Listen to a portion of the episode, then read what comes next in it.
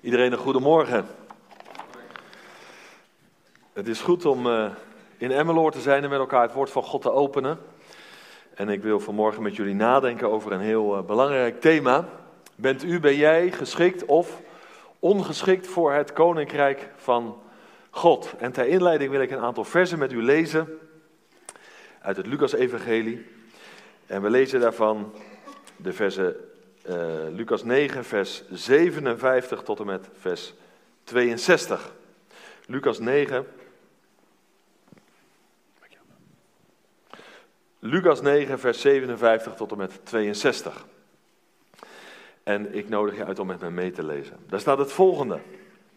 En het gebeurde toen zij, dat zijn de discipelen, onderweg waren, dat iemand tegen hem zei: Heere, ik zal u volgen waar u ook heen gaat.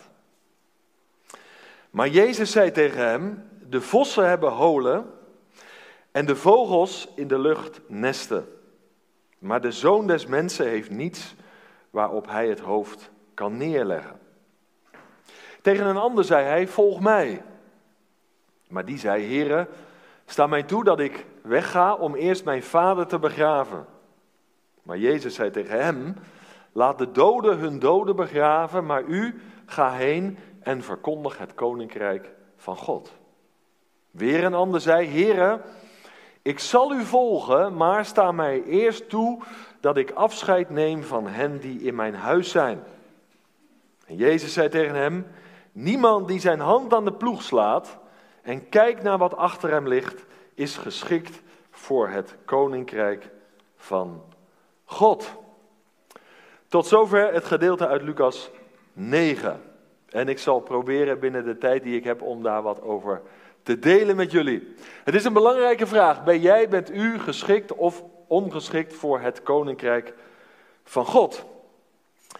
Nu is er veel verwarring over de techniek niet alleen.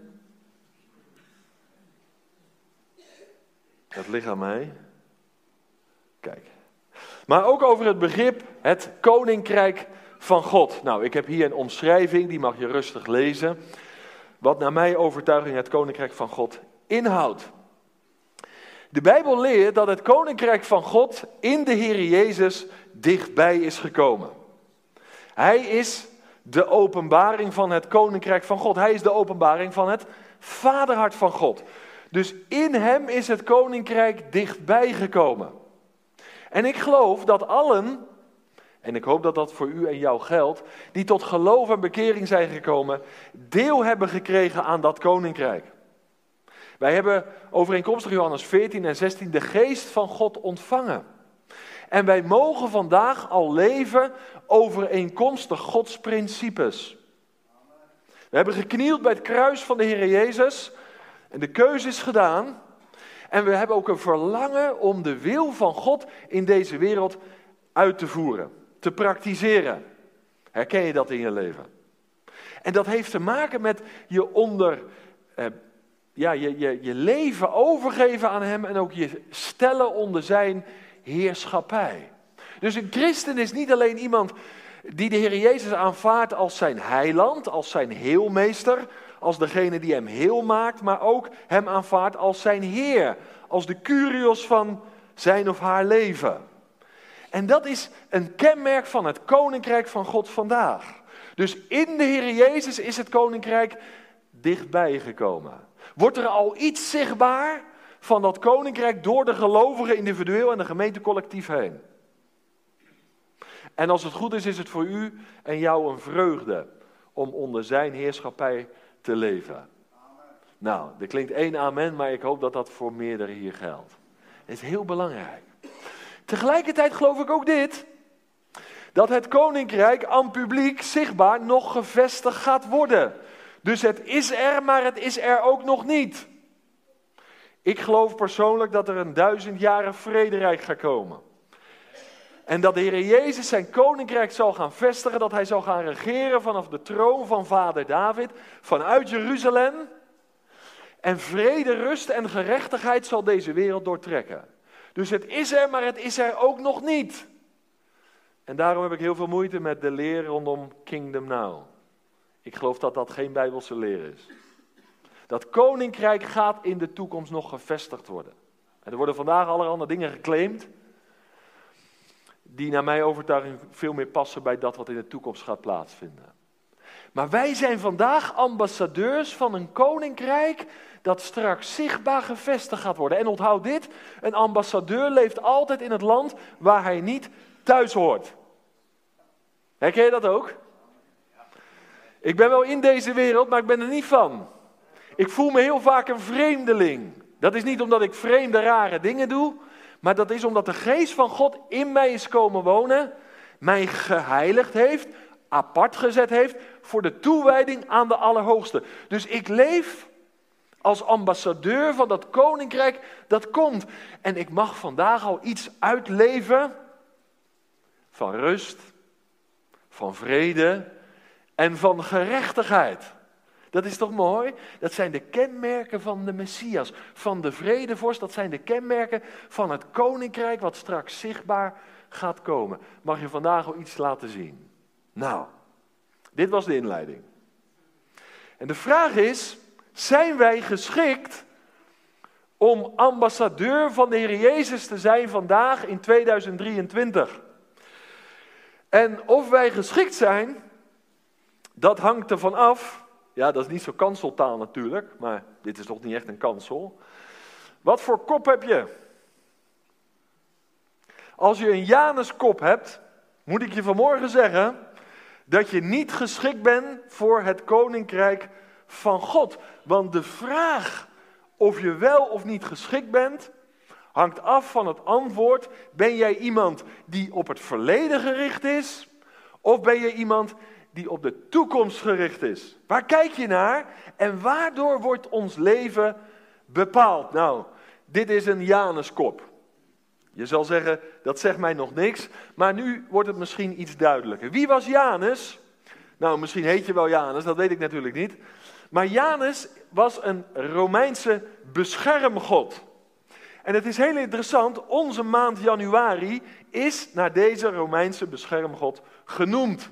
Nou, januari, 1 januari, dan kijk je soms terug op het jaar dat voorbij is gegaan. En je kijkt naar de toekomst, naar het jaar dat voor ons ligt, toch? Dus je kijkt terug met alle herinneringen en je kijkt vooruit. Nou, die maand januari is naar deze Romeinse beschermgod genoemd. En zijn naam betekent letterlijk doorgang. Doorgang. Hij staat dus op de poort van verleden en toekomst. Hij kijkt twee kanten op. En Janus kijkt dus naar het verleden en naar de toekomst. Janus was een God met twee gezichten. En nou wordt het natuurlijk wat spannender. Want een christen is iemand met één gezicht. Dus als dit jouw leven stempelt, dan zegt de Bijbel, dat zeg ik niet, dat zegt Jezus zelf, dan ben je niet geschikt om een ambassadeur van de Heer Jezus Christus te zijn. Althans, als je leven wordt beheerst door het verleden. Daar kom ik zo nog wel even op. De Heer Jezus, hij koppelt het wel of niet geschikt zijn aan zijn koninkrijk aan het hebben van één of twee gezichten. Wat ben jij voor iemand? Wat bent u voor iemand? Worden de keuzes die je vandaag maakt bepaald door het verleden? Of ben je gericht op de toekomst? Want als je op het verleden gericht bent, dan kan dat funest zijn om vandaag werkzaam te zijn, tot zegen te zijn binnen dat koninkrijk van God. En het zal straks wel duidelijker worden. Nou, ik heb een paar versen gelezen uit Lucas 9, want dat heeft er natuurlijk allemaal mee te maken. Het gaat niet alleen om een aansprekend plaatje, dit ga je niet meer vergeten natuurlijk, na vandaag. En je bepaalt voor jezelf waar je staat, wat voor kop, hoofd er op jou zit. Maar de Heer Jezus die zegt dit woord in Lucas 9, vers 62. Maar als je een vers leest, dan moet je altijd in de context lezen. En we bevinden ons in de zogenaamde Lijdensweken. Nou, in, de hoofdstuk, in dit hoofdstuk, hoofdstuk 9, heeft de Heer Jezus de eerste keer, voor de eerste keer zijn lijden aangekondigd. Dat lees je in vers 21 tot en met 22. Hij kondigt zijn lijden aan. voor de eerste keer. Vervolgens, in vers 43 tot en met 45, kondigt de Heer Jezus voor de tweede keer zijn lijden aan. Dat is de context van het gedeelte wat we hebben gelezen. En alsof het nog niet genoeg is, dan wordt hij in vers 51 tot 56 verworpen in Samaria. Dat is plaatje. Dus de Heer Jezus heeft aangekondigd, mijn lijden is aanstaande. En dat niet alleen, ook het moment van sterven is aanstaande. En met dat hij onderweg is, wordt hij ook nog verworpen door de Samaritanen. Waar het mij even om gaat is, welk beeld heeft dit bewerkt in het hart en het denken van de discipelen? Als dit de weg van de meester is, de weg van lijden, de weg van afwijzing, wat zal dan ons deel zijn? Hoe denken jullie daarover in Emmeloord? Sommige mensen hebben het idee dat als ze de Heer Jezus gaan volgen, dan gaat alles van een leien dakje. Nou, Jezus is heel eerlijk. Hij zegt, het is de moeite waard om mij te volgen, maar heb geen illusies en overreken de kosten alvorens je de keuze voor mij maakt. Hij is heel eerlijk. Hij verbloemt de dingen niet. Hij is hier met zijn discipelen onderweg, kondigt aan publiek zijn lijden aan, voor de eerste keer, voor de tweede keer. Hij wordt verworpen. Dat heeft iets gedaan. Maar weet je wat nou zo interessant is? In hoofdstuk 10, dat is het gedeelte net na onze tekst, worden er opnieuw 70 uitgezonden. Kijk, dat vind ik mooi. De Heer Jezus is heel eerlijk over zijn lijden, over zijn sterven, over afwijzing en verwerping. En toch melden er zich 70 nieuwe discipelen aan. Vind je dat niet mooi? Ik hoop dat je het volgt. En ik hoop dat je nou vanmorgen zegt, zij vreugde mijn deel is, of smart mij verteert, ik ga op het smalle pad achter Jezus aan. Omdat je weet en er diep van overtuigd bent, Hem te kennen is het leven. De eeuwige, waarachtige God en Jezus Christus die Hij gezonden heeft. Wat de toekomst dan ook brengt. Sta je er zo in vandaag? Want ik moet je in alle openheid dit zeggen. Het wordt er niet makkelijker op, ook in Nederland, om de Heer Jezus te volgen. We mogen ervan uitgaan dat het volgen van de Heer Jezus een prijs gaat vragen. Van u, van jou en van mij. En volharden we ook dan. De Heer Jezus, hij is heel eerlijk daarover. En onderweg heeft hij drie ontmoetingen in Lucas 9. Nou, we hebben er twee gelezen. De eerste ontmoeting leert ons een belangrijk principe. Wat staat er in vers 57? En het gebeurde toen ze onderweg waren dat iemand tegen hem zei: Heere, ik zal u volgen waar u ook heen gaat. Dat is een geweldige beleidenis, toch? Maar misschien spreek je het makkelijker uit dan dat je het in de praktijk praktiseert. En Jezus zegt tegen hem: de vossen hebben holen en de vogels in de lucht nesten, maar de zoon des mensen heeft niets waarop hij het hoofd kan neerleggen. Nu ga ik dit niet uitgebreid behandelen, maar dit is de les.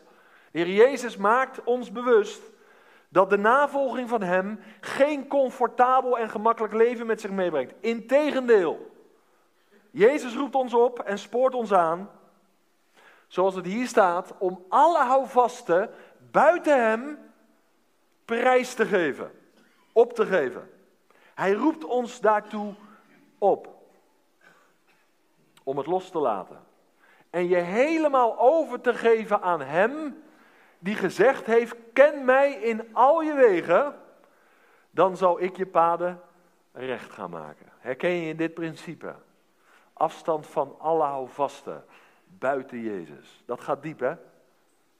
Dit is wat Jezus in de eerste ontmoeting, je zou kunnen zeggen door middel van de eerste preek, leert. Vers 57 en vers 58.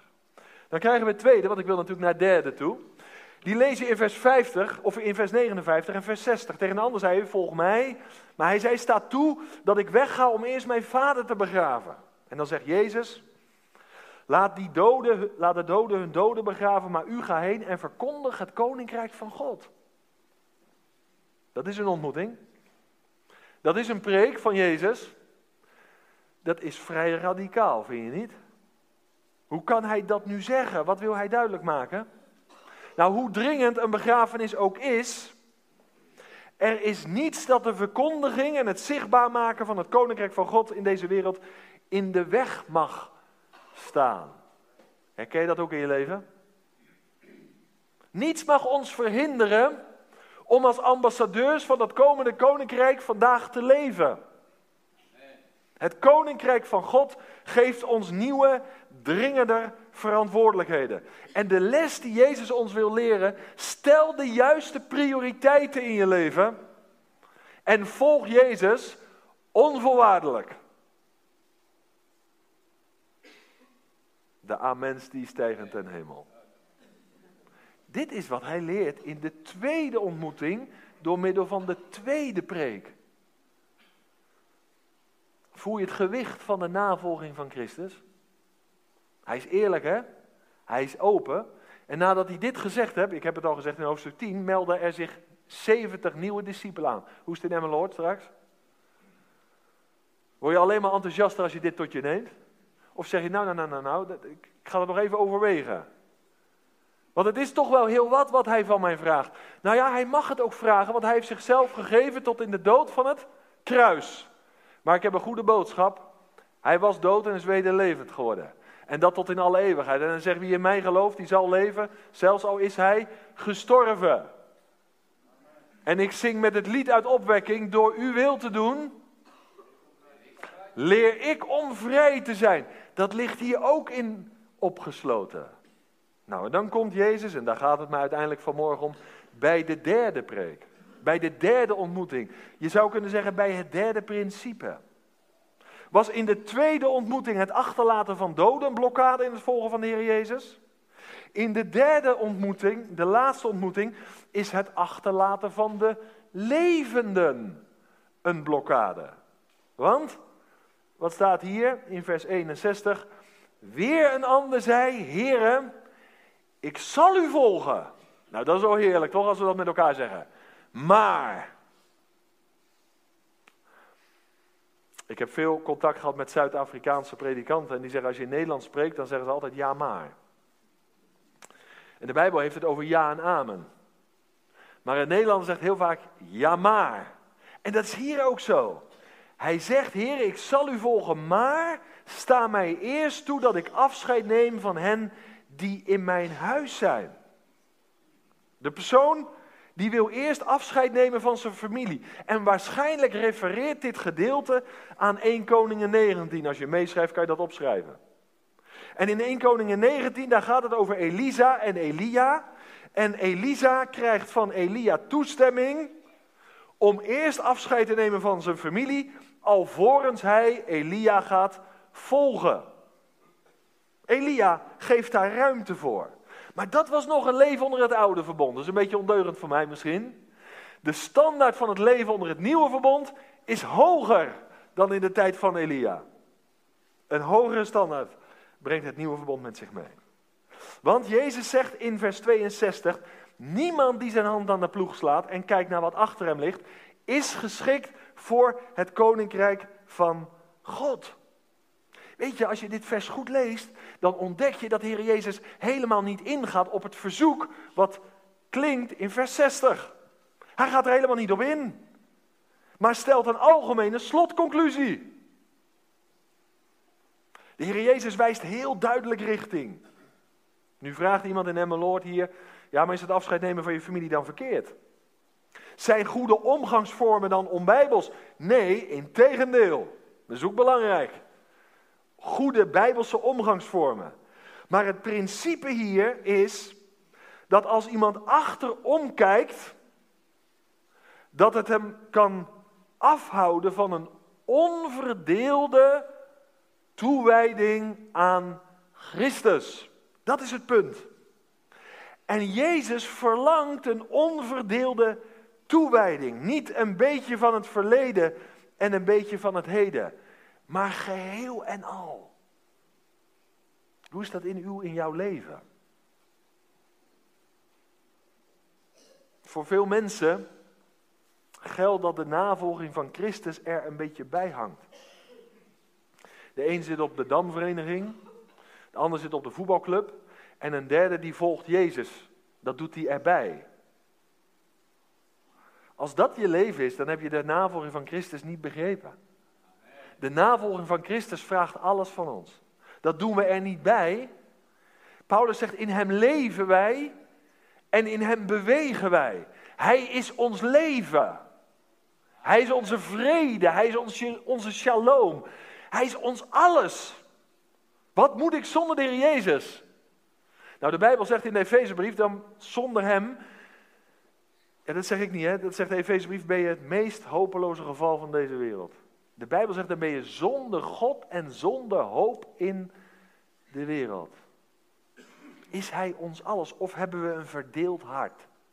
Beetje van de wereld en een beetje van de Heere God om je geweten te sussen. Of herken je je in de Emmausgangers? Was ons hart, is ons hart niet brandende in ons? Dat. Een intens verlangen om Christus te kennen, Hem dieper te leren kennen en Hem in de praktijk ook daadwerkelijk te volgen. Kijk niet om naar het verleden, maar focus je op Jezus in het heden en wijd je onverdeeld toe aan Hem.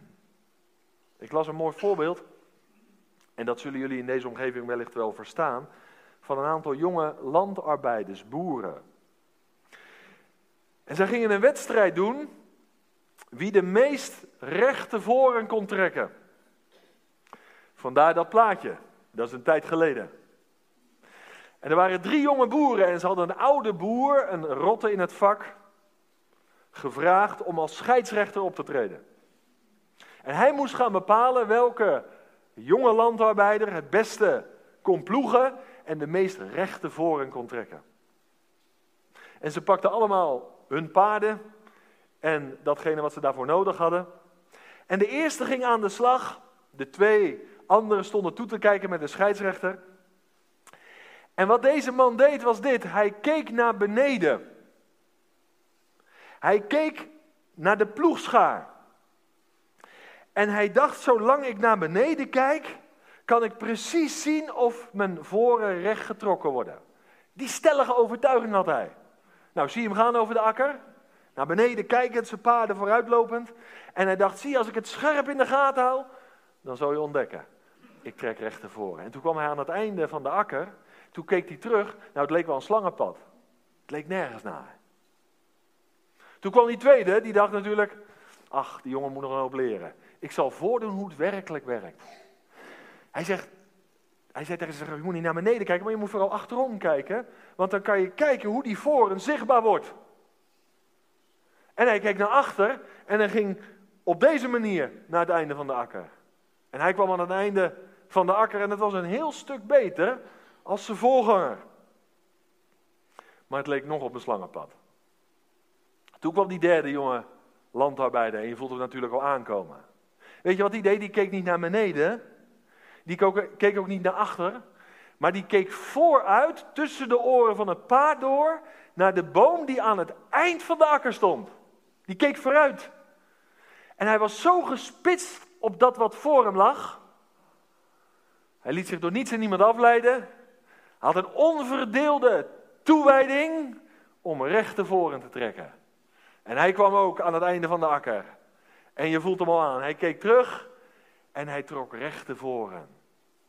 Nou, de scheidsrechter, die oude rotte in het vak, die boer, die ervaren man, die had niet zoveel werk om de beoordeling te geven. Die laatste jonge landarbeider die had gewonnen. En de sleutel, het geheim van zijn ploegkunsten was, hij keek niet naar wat achter hem lag. Hij keek ook niet naar beneden. Hij zocht niet de dingen van deze wereld, geestelijk vertaald. Maar hij zag vooruit. Hij was op de toekomst gericht. En hij herkende zich geestelijk gesproken in de woorden van Paulus, Filippenzen 3, vers 14.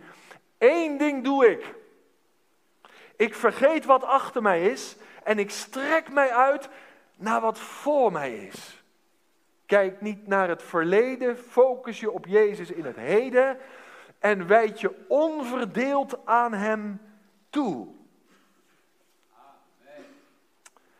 En hoe komt het nu? Ik ga het iets praktischer maken, daar gaan we nog even over nadenken, dus blijf nog even gefocust. Hoe komt het nu dat heel veel christenen vandaag moeite hebben met een onverdeelde toewijding. Dat heeft met twee dingen te maken. Een kind kan het vanmorgen begrijpen. Of omdat ze naar beneden kijken, of omdat ze achterom kijken. En de les van vanmorgen is dat dat uiteindelijk geen vrucht draagt in je leven. En ik wil drie redenen noemen en misschien herken je ze in je leven. En ik hoop dat je je voordeel ermee doet. Hoe komt het dat veel christenen vandaag zich niet onverdeeld toewijden? De eerste reden is dit. Luister goed. Sommige christenen verheerlijken het verleden. En die zeggen die groeien oude tijd. En die blijven in het verleden hangen. En wat bedoel ik dan? Ze maken de denkfout dat vroeger alles beter was. Ja, vroeger. Toen. En ze kijken achterom en ze hebben allerlei gevoelens die hen bij het verleden bepalen. En dat stempelt hun leven. Vroeger was alles beter. Maar is dat ook zo? Nee. Kijk, daar hou ik van. Wil je een voorbeeld? God had op een geweldige manier Israël bevrijd uit Egypte. Ze waren zwaar onderdrukt. Joodse jongetjes werden gedood. Ze verrichtten slavenarbeid. En God greep op een wonderlijke manier in. En na een bizarre bevrijding, een pad door de zee, de vijand verzwolg in de golven, komen ze aan op het droge en je gelooft het bijna niet, maar ze beginnen te mopperen. Het net mensen. En wat zeggen ze? Had ons maar in Egypte gelaten bij de komkommers en de watermeloenen en de knoflook en de uien. Ze keken naar het verleden terwijl ze nota bene bevrijd waren uit slavernij. En ze hunkerden weer naar dat verleden, naar dat slavenleven. Ze verheerlijkten het verleden ten onrechte. En dit is zo'n belangrijke les. Hebben wij een realistisch en evenwichtig kijk op het verleden?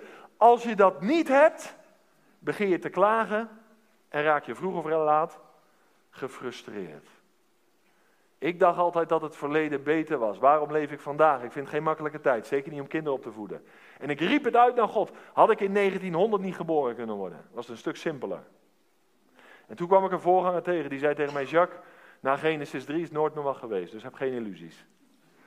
Maar degene die de geest van God heeft ontvangen, die kan overal leven in toewijding aan de Allerhoogste God. Nou, dat was een antwoord op mijn vraag. De tweede reden.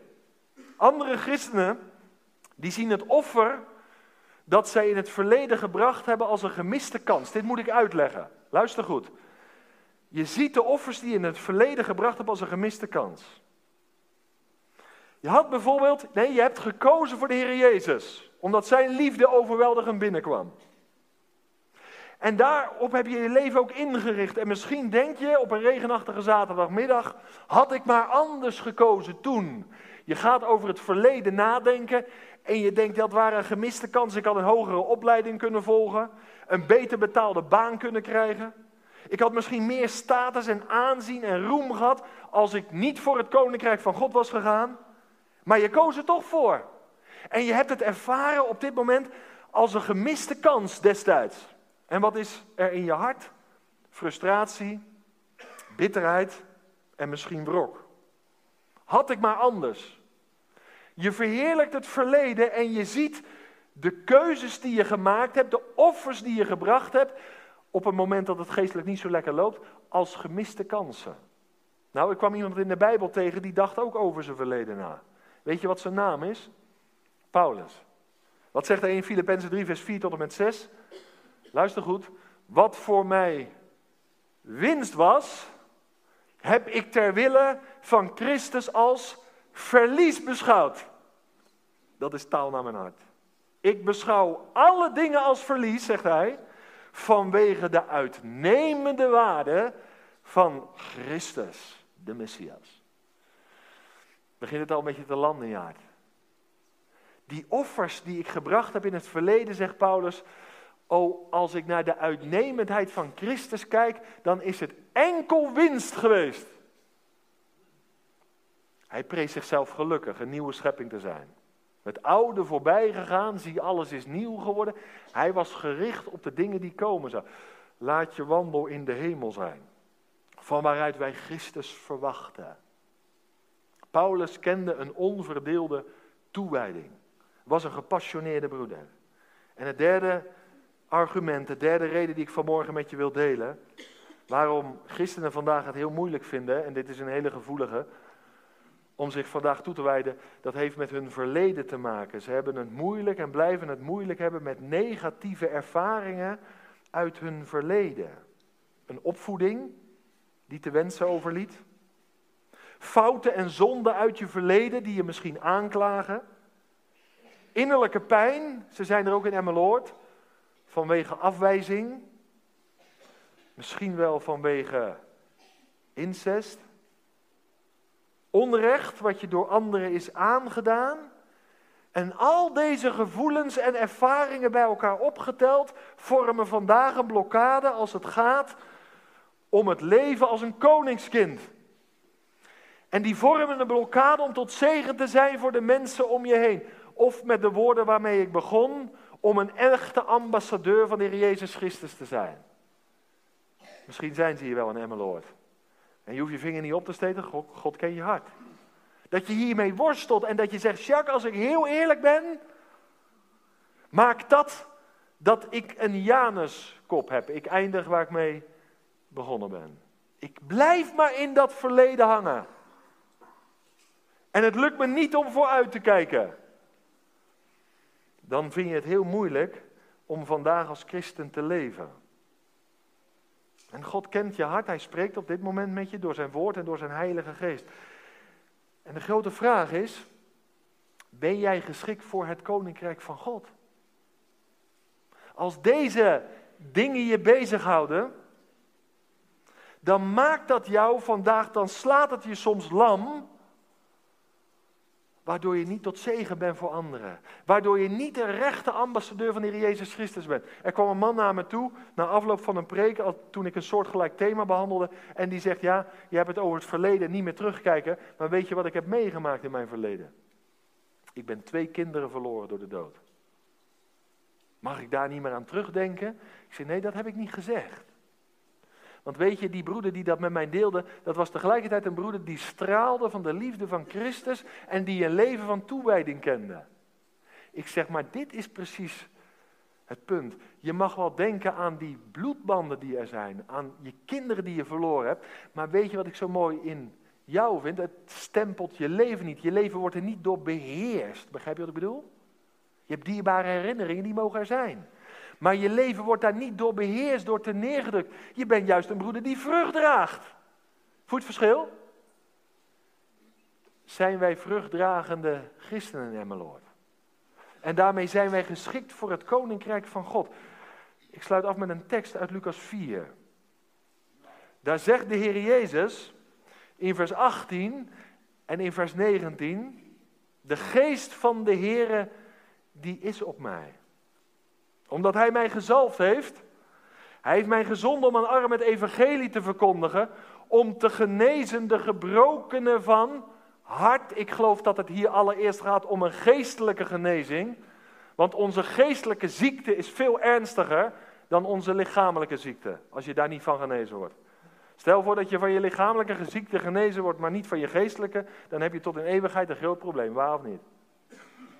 Jezus is gekomen om te genezen die gebroken zijn van hart en om aan gevangenen, luister goed, vrijlating te prediken, aan blinden het gezichtsvermogen en om verslagenen weg te zenden in vrijheid om het jaar van het welbehagen van de Heer te prediken. Luister goed ter afsluiting. De Heer Jezus heeft niet alleen gezegd, volg mij met een onverdeeld hart. En hij heeft niet alleen gezegd, wie achterom ziet, is niet geschikt voor mijn koninkrijk. Wie zijn leven door het verleden laat beheersen, draagt geen vrucht, is geen rechte ambassadeur. Maar hij heeft ook gezegd, als dat verleden je wel beheerst en, en, en, en, en domineert, dan ben ik gekomen om daar verandering in te brengen. Vind je dat niet geweldig? Hij zei in zijn dagen, ik ben de vervulling van wat de profeet Jezaja gezegd heeft. Hij roept niet alleen ergens toe op, broeders en zusters. Nou komt de bevrijdende boodschap. Hij schenkt ook wat we voor dit leven nodig hebben. Dat is het. En zo moet je naar deze dingen kijken. Als hij alleen zou eisen, dan zeg je, Heere God, ik kan het niet. Maar hij eist niet alleen, hij geeft ook wat hij eist. Weet je waar het op aankomt vanmorgen? Wil je hem volgen? Wil je geschikt en beschikbaar zijn voor zijn koninkrijk? Het komt aan op de wil. Want in Christus rekent God af met ons verleden. En voor de een is dat een moment, laat ik dat heel eerlijk zeggen, ook pastoraal.